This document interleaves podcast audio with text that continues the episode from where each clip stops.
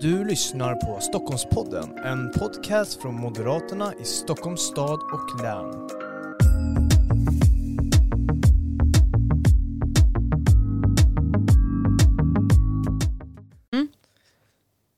Varmt välkommen till Stockholmspodden. Det här är ju Moderaterna i Stockholms stad och läns podcast där vi pratar aktuella frågor, vi gör också framtidsspaningar och vi pratar ju också en hel del om valet 2022 eh, som kommer här alldeles snart. Men idag ska vi prata med Arba Kukalari, du är Europaparlamentariker här från Stockholm, eh, moderat såklart också. Varmt välkommen igen till Stockholmspodden. Tack, jättekul att vara tillbaka här hemma. Mm. Det är alltid härligt att ha dig här och idag så ska vi ju prata eh, Europa. Vi ska ju prata hur ska Europa vara ledande i den gröna och digitala omställningen. En väldigt viktig omställning och eh, för att starta någonstans så tänker jag att du ska få ja, visualisera vart vi ska vara om kanske 10-20 år, vart du önskar att vi är eh, i den digitala omställningen. Vi börjar där. Ja, nej men min, eh, min dröm är lite att om 10-20 år att eh, både Sverige och Europa att vi ska vara världsledande inom eh, både digitalisering och att möta klimathotet. Mm. Man kan säga så här, ja men det kanske vi är redan idag. Ja, inte riktigt. Jag upplever att Europa hamnar lite i efterkälken i den här digitala eh, kapplöpningen globalt där Kina är väldigt aggressivt, USA ligger först och då undrar man lite, aha, var, vart är vi någonstans i den här, eh, vi hänger lite efter och det blir ju oerhört allvarligt. Ska, liksom, ska Sverige och Europa vara någon form av museum där kineser åker dit och tittar på, på Colosseum? Mm. Eller är det vi som, eh, eller ska människor runt om i världen komma till Europa för att vi har de mest innovativa tekniska lösningarna på eh, våra stora problem där forskning, där vi är ett centrum för forskning och utveckling där entreprenörerna vill etablera sig och skapa nya innovationer och nya jobb. Och ska våra ungdomar i framtiden vilja vara kvar och jobba i Sverige och Europa eller kommer de vilja bara åka till USA eller till Kina mm. för det är där de coola jobben är det är de här frågorna vi behöver ställa och jag tycker självklart att det är Sverige och Europa som ska vara nummer ett. Mm. Och vi ska ju vara nummer ett, men frågan är ju då hur vi ska bli nummer ett eller fortsätta vara nummer ett och så vidare, inte hamna efter då, då eh, efter de här stora eh, stormakterna som du nämnde. Och eh, då är ju frågan egentligen tydlig, hur ska vi då ja, vara nummer ett även om 10-20 år? Vi måste, ha, eh, vi måste ha ett jättebra näringslivsklimat där våra entreprenörer vill vara kvar i Sverige och Europa för att bygga framtidens bolag och framtidens jobb. Och eh, det händer ju väldigt mycket på, det är, det, alltså det är den digitala eh, omställningen och klimatomställningen som är de två största megatrenderna i världen. Och det är inte bara megatrender, det är snarare överlevnadsfrågor eh, för mm näringslivet och för, eh, men också för våra samhällen. Och Sverige har ju lett den ligan eh, inom internet och digitalisering och vi, är, vi anses också, när jag pratar också med kollegor i Bryssel, då ser man ju Sverige som eh, ledande inom, liksom, vi har många teknikbolag, många techbolag, vi har Spotify, vi har Klarna, ja, det startade Skype, så mm. vi har ett väldigt gott renommé. Och eh, ja, jag, jag, upplever att vi har ett extra ansvar som svenskar mm. att föra eh, EUs politik Eh, på det området så att den blir rätt, så att den blir att entreprenörerna vill fortsätta växa i Sverige och Europa mm. än att entreprenörerna skräms och vill flytta till USA. Mm. Eh, så jag känner att vi har ett stort ansvar att forma den politiken rätt så att den blir bra och inte för byråkratisk och för jobbig så att den skrämmer iväg. Mm. Och ansvar, det har ju du verkligen haft nu här under eh, din period i Europaparlamentet. För du har ju arbetat fram den här Digital Service Act som berör den digitala omställningen. Eh, skulle du kunna berätta lite mer om den? Ja, det här, eh, det som kommer nu är, det blir en uppdatering och en modernisering av lagarna inom e-handel faktiskt.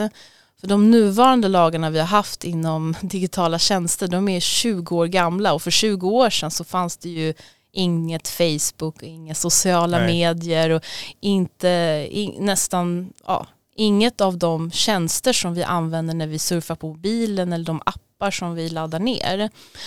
Och det har under den här utvecklingen som är helt fantastisk så har det också uppkommit ett antal problem som har vuxit till sig eh, på senare år.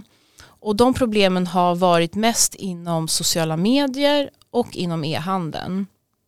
Så att den här lagen, Digital Services Act, som jag eh, fick den stora äran att vara huvudförhandlare, chefsförhandlare för vår partigrupp EPP, eh, den ska komma, den ska lösa liksom, eh, den ska lösa så att plattformar på internet som säljer varor och tjänster, att de måste bli mycket bättre på att ta bort olagligt innehåll. Till exempel när det förekommer droghandel på sociala medier eller olaga hot. Mm. Ehm, det är många som är, känner sig ganska otrygga på sociala medier idag. Att det förekommer så mycket olagligheter. Och nu kommer den här lagen säga från EU att det ska gälla alla 27 medlemsländer. Så här, de här plattformarna måste ta bort olagligt innehåll. Nu gör de lite hipp som happ. Samma sak gäller för plattformar som säljer varor på nätet. Till mm. exempel mm. om man är en stor plattform som Amazon. Ja, men de måste ta bort eh, de måste bli mycket bättre på att ta bort olagliga produkter som säljs på de här plattformarna. Så att man också som konsument eh, och som ett mindre e-handlare känner en trygghet att jag kan sälja mina varor på den här plattformen och konsumenten har förtroende för det och jag som konsument som handlar på Amazon ska känna okej okay, här finns det produkter som eh, är lagliga mm. och där små, små e-handlare kan konkurrera fritt. Så det handlar lite om att rensa upp lite den här digitala vilda västern som har uppkommit på senare år. Och eh, jag har varit, eh, jag har kämpat jättehårt för att ta bort alla sosseförslag som har varit om att uh, införa mer byråkrati ja. eller begränsa yttrandefriheten på nätet eller sådana här tramsigheter. Mm.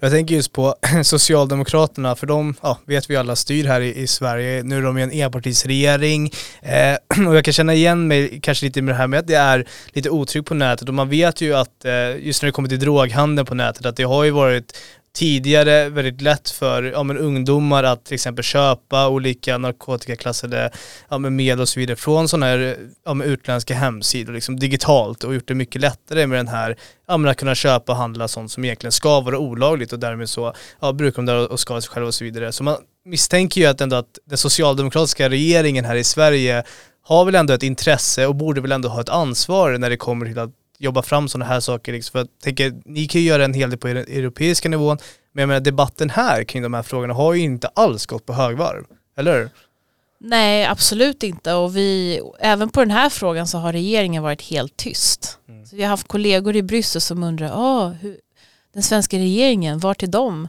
Eh, så att eh, det är ju helt otroligt att de eh, har, ja, inte engagerat sig när det svenska näringslivet har varit väldigt engagerad i de här frågorna till mm. exempel.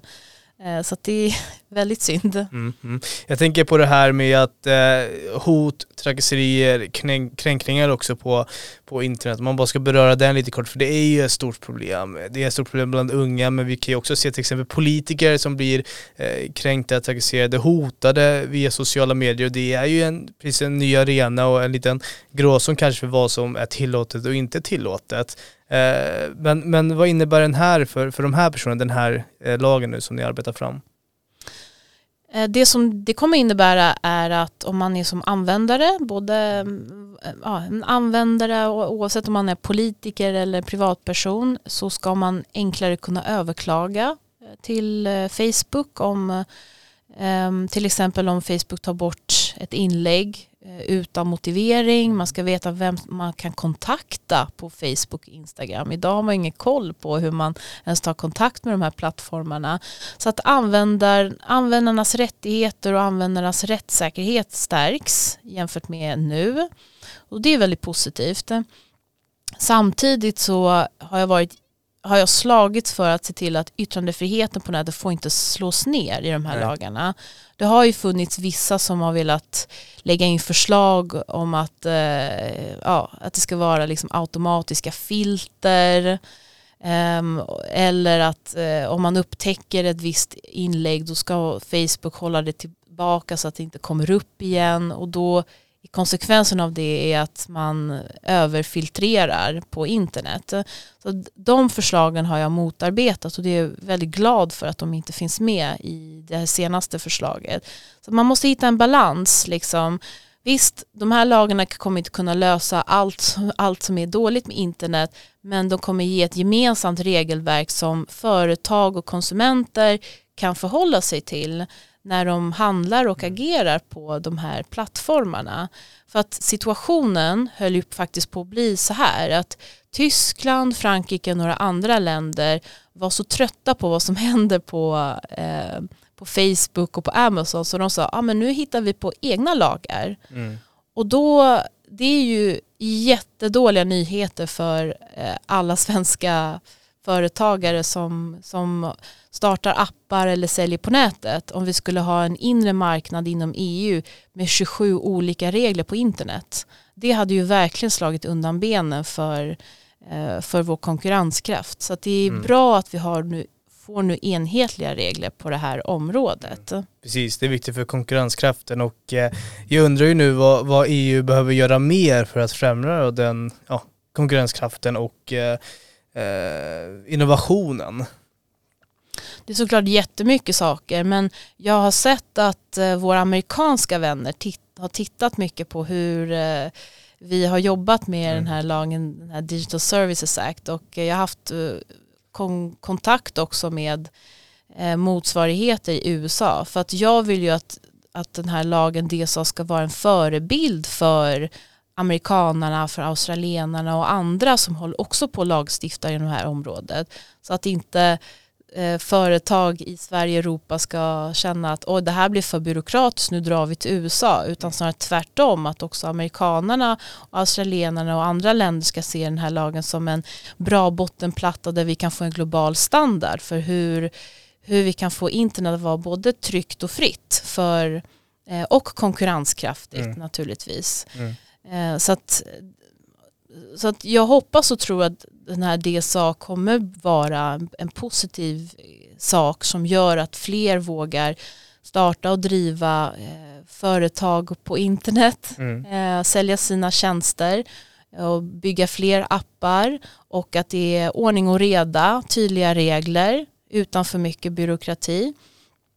Eh, men samtidigt behöver vi eh, också jobba med andra områden naturligtvis. Till exempel nästa heta grej är ju AI. Det är ju mm. nästa nivå på digitaliseringen som, som innebär i praktiken att eh, man hittar nya verktyg för att um, um, diagnostisera cancersjukdomar eller underlätta för att bygga säkrare bilar. Alltså det, det är ju nästa steg lite i den mänskliga utvecklingen eh, inom digitalisering. Och här måste vi se sådana här nya tekniker som något positivt. Näringslivet gör det men i Bryssel upplever jag blev jag lite chockad när man såg AI som något som är farligt och måste begränsas och vi måste kontrollera det. Och så får det ju absolut inte bli. Nej, precis så. Och eh, en annan omställning som försiggår också i EU i era korridorer är ju den här gröna omställningen. Det försiggår ju även här i Sverige och eh, så vidare. Men du pratar ju också och är engagerad en hel del inom grön handel. Eh, det vet jag ju också. Eh, och jag tänker bara grön handel, när man tänker på det eh, så kanske det är lite svårt ändå att definiera vad, vad grön handel är. Så jag tänker bara kort om du skulle kunna förklara vad det är. Ja, men grön handel bygger på att vi ska handla mer med produkter och tjänster som är mer klimatvänliga.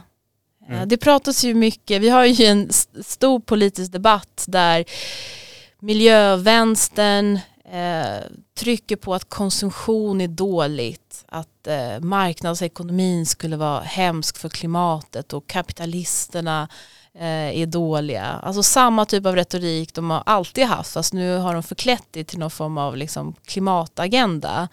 Och det är ju helt, eh, helt fel. Jag tycker tvärtom, jag tycker vi ska konsumera, eh, jag tycker, jag tycker vi ska konsumera, jag tycker vi ska konsumera mm. mer hållbart.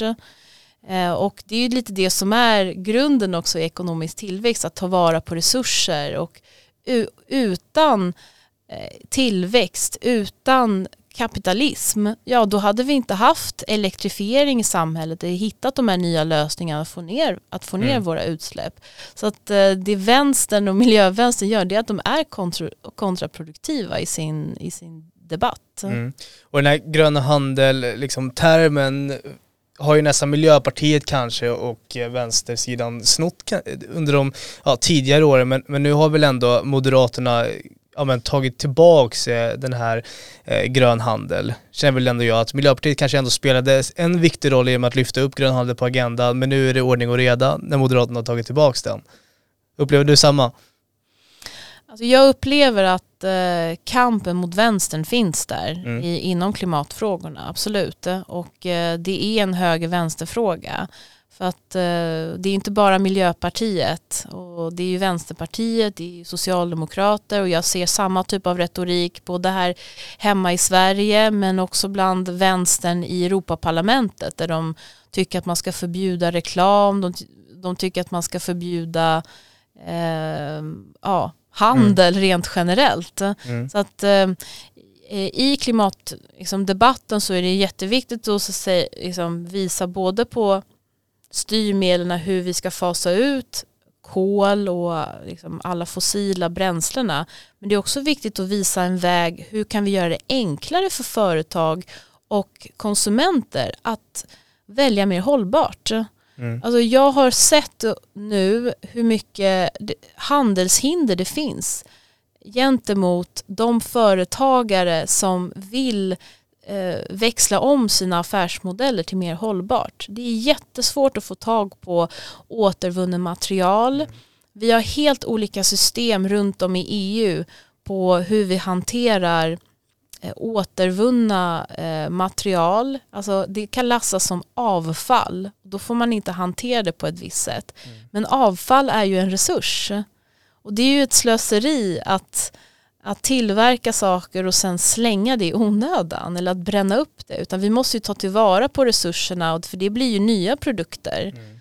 Mm. Så att den, det kallas för den cirkulära ekonomin och det kommer också vara en jätteviktig del i klimatomställningen som både kommer start, eh, skapa nya typer av jobb i samhället ja, men människor som jobbar inom kolindustrin och den fossila industrin ja, men, de jobben kommer försvinna i framtiden men de här människorna mm. måste ju också, det kanske inte är samma typ av jobb men Nej. det kommer startas nya jobb inom återvinning till exempel eller inom uthyrning, leasing. Vi pratar om eh, många företag tittar nu också på okay, hur kan man eh, ja, ha ett abonnemang inom en produkt, inte sälja en produkt utan att man, mm, ja, att man delar, alltså hela delningsekonomin, alla de här nya affärsmodellerna är jätteviktiga för klimatomställningen. Och det är ju eh, en annan typ av konsumtion. Mm. Så att ja, man ska vara lyhörd för när eh, om man har kompisar där ute och säger att ah, det, det är dåligt att vi konsumerar, då får man ju tänka efter, ja men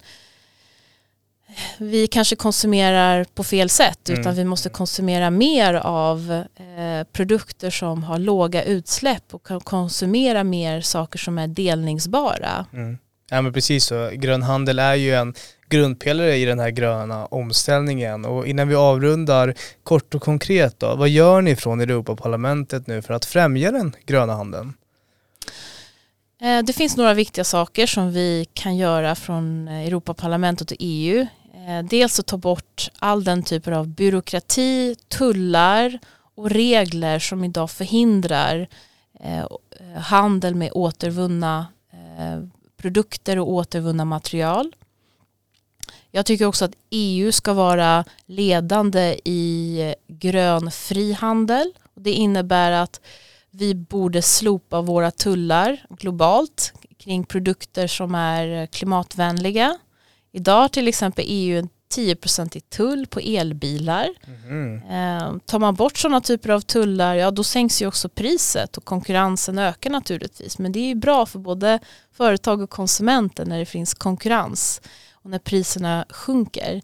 Så att vi har för mycket handelshinder idag som hindrar klimatomställningen och hindrar eh, innovation och grön teknik. Och eh, det tycker jag, det, det jobbar jag med i Europaparlamentet och det, där tycker jag att vi har stor potential. Mm. Det ska vara mycket intressant att fortsätta följa din resa i Europaparlamentet och de här viktiga områdena som du kämpar dag och natt med. Och jag tänker bara Arba, om man vill följa din resa nu här, eh, man kan hitta dig på...